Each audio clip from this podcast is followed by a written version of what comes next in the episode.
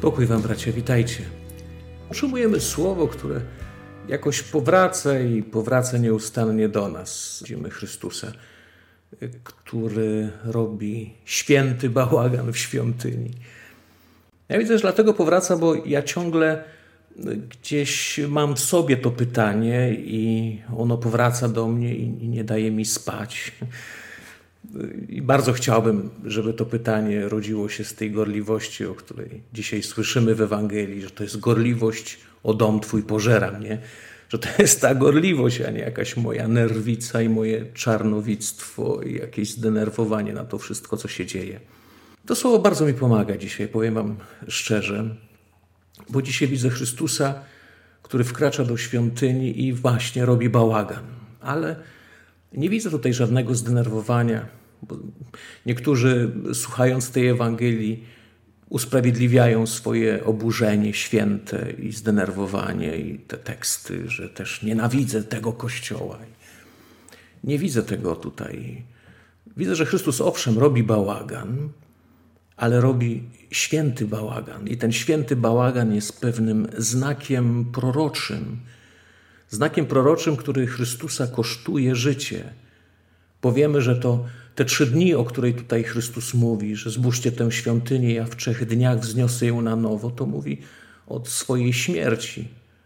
Żeby wybudować tą świątynię i to, co czyni znak tego zburzenia, że to się musi wszystko powywracać, żeby on mógł wybudować nową świątynię, to płaci ceną swojego życia. Bo to właśnie tam dokonuje się to, co zapowiadał prorok Ezechiel, że woda płynęła spod prawej strony świątyni na południe od ołtarza i płynęła wzdłuż stepów, rozlewała się po wodach słonych, i wtedy wody, te wody słone, wody śmierci, stają się zdrowe i dokądkolwiek dotrą te wody, wszystko będzie uzdrowione i spra sprawią, że na brzegach tego potoku wyrosną drzewa owocowe, których liście nie więdną, których owoce się nie wyczerpują. Czyli dzięki tej wodzie jest możliwość powrotu do tego początku, o której Chrystus mówi, bo na początku tak nie było. Jest powrotem do, do tej bliskości z Bogiem, jakiej kosztowali pierwsi rodzice, do raju. Właśnie dzięki temu, dzięki temu, że On wchodzi w śmierć i daje sobie otworzyć bok, Prawy bok jest, nosi na sobie ranę, z której wypłynęła krew i woda. I to jest ta, ta rzecz, która dzisiaj przychodzi. Chrystus czyni znak proroczy, który wypełnia ofiarą swojego życia. I też te, słowa, które dzisiaj padają, nie róbcie z domu mego ojca targowiska. Dlaczego musi dokonać się to wszystko? Dlaczego ten znak proroczy? Dlaczego to słowo na przykład przychodzi dzisiaj w kontekście tych wszystkich wydarzeń, które widzę? Bo uczyniliśmy z domu, z domu Ojca, czyli Kościół, który ma być domem, domem Ojca, uczyniliśmy targowisko. No targowisko, no, no wolny targ, no idźcie na wolny targ. Każdy przychodzi i wybiera sobie to, na co ma ochotę. Idzie ze straganu do straganu zrobiliśmy. Nie chcę, nie chcę kontynuować tej myśli. Myślę, że jest to jakoś bardzo oczywiste to porównanie.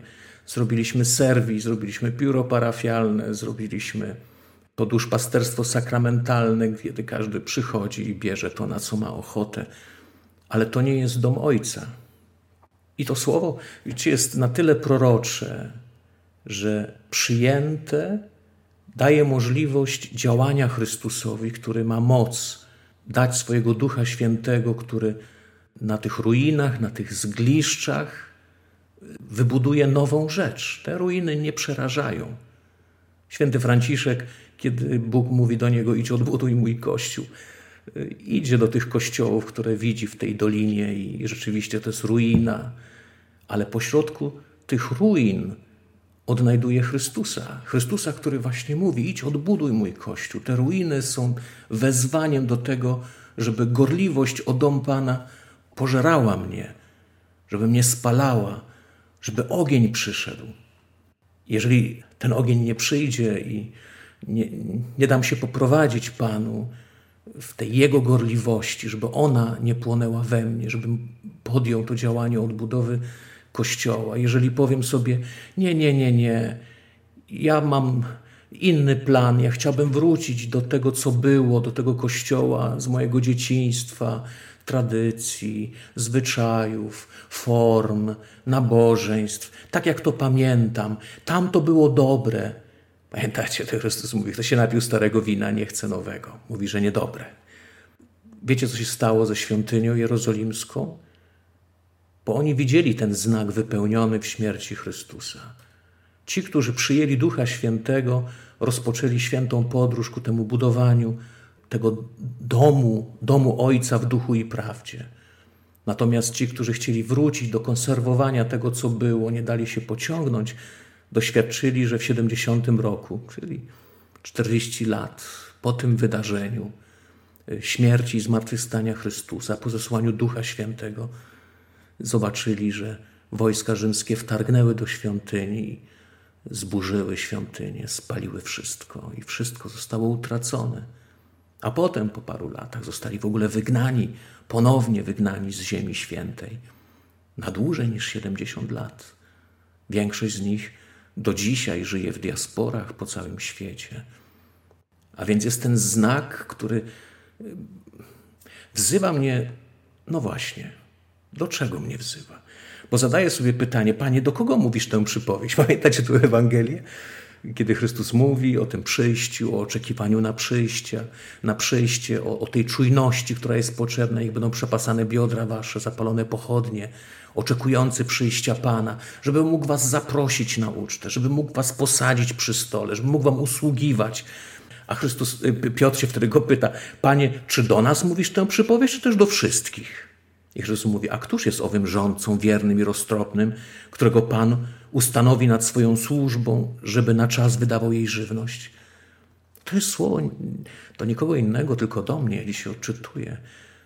To, co przychodzi, jest do mnie, bo ja zostałem ustanowiony jako sługa w tym domu nad domownikami Boga. Bo komu wiele dano, od tego wiele wymagać się będzie, komu wiele zlecono, E, tym więcej od niego żądać będą.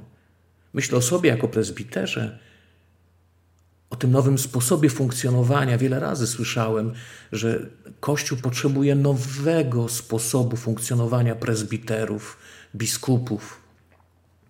Jest takie słowo, które dzisiaj zaprasza mnie do nawrócenia, wiecie? Starszego wiekiem nie strofuj, lecz nakłaniaj prośbą jak ojca, młodszych jak braci, starsze kobiety jak matki, młodsze jak siostry z całą czystością. Bo jestem postanowiony nad rodziną, odbudować dom Pana, odbudować więzi, które są więzami rodzeństwa, więzami przyjaźni, w których możemy się wznosić w tym wspólnym budowaniu e, tej świątyni, prawdziwej świątyni Boga, jaką chce ją mieć Bóg.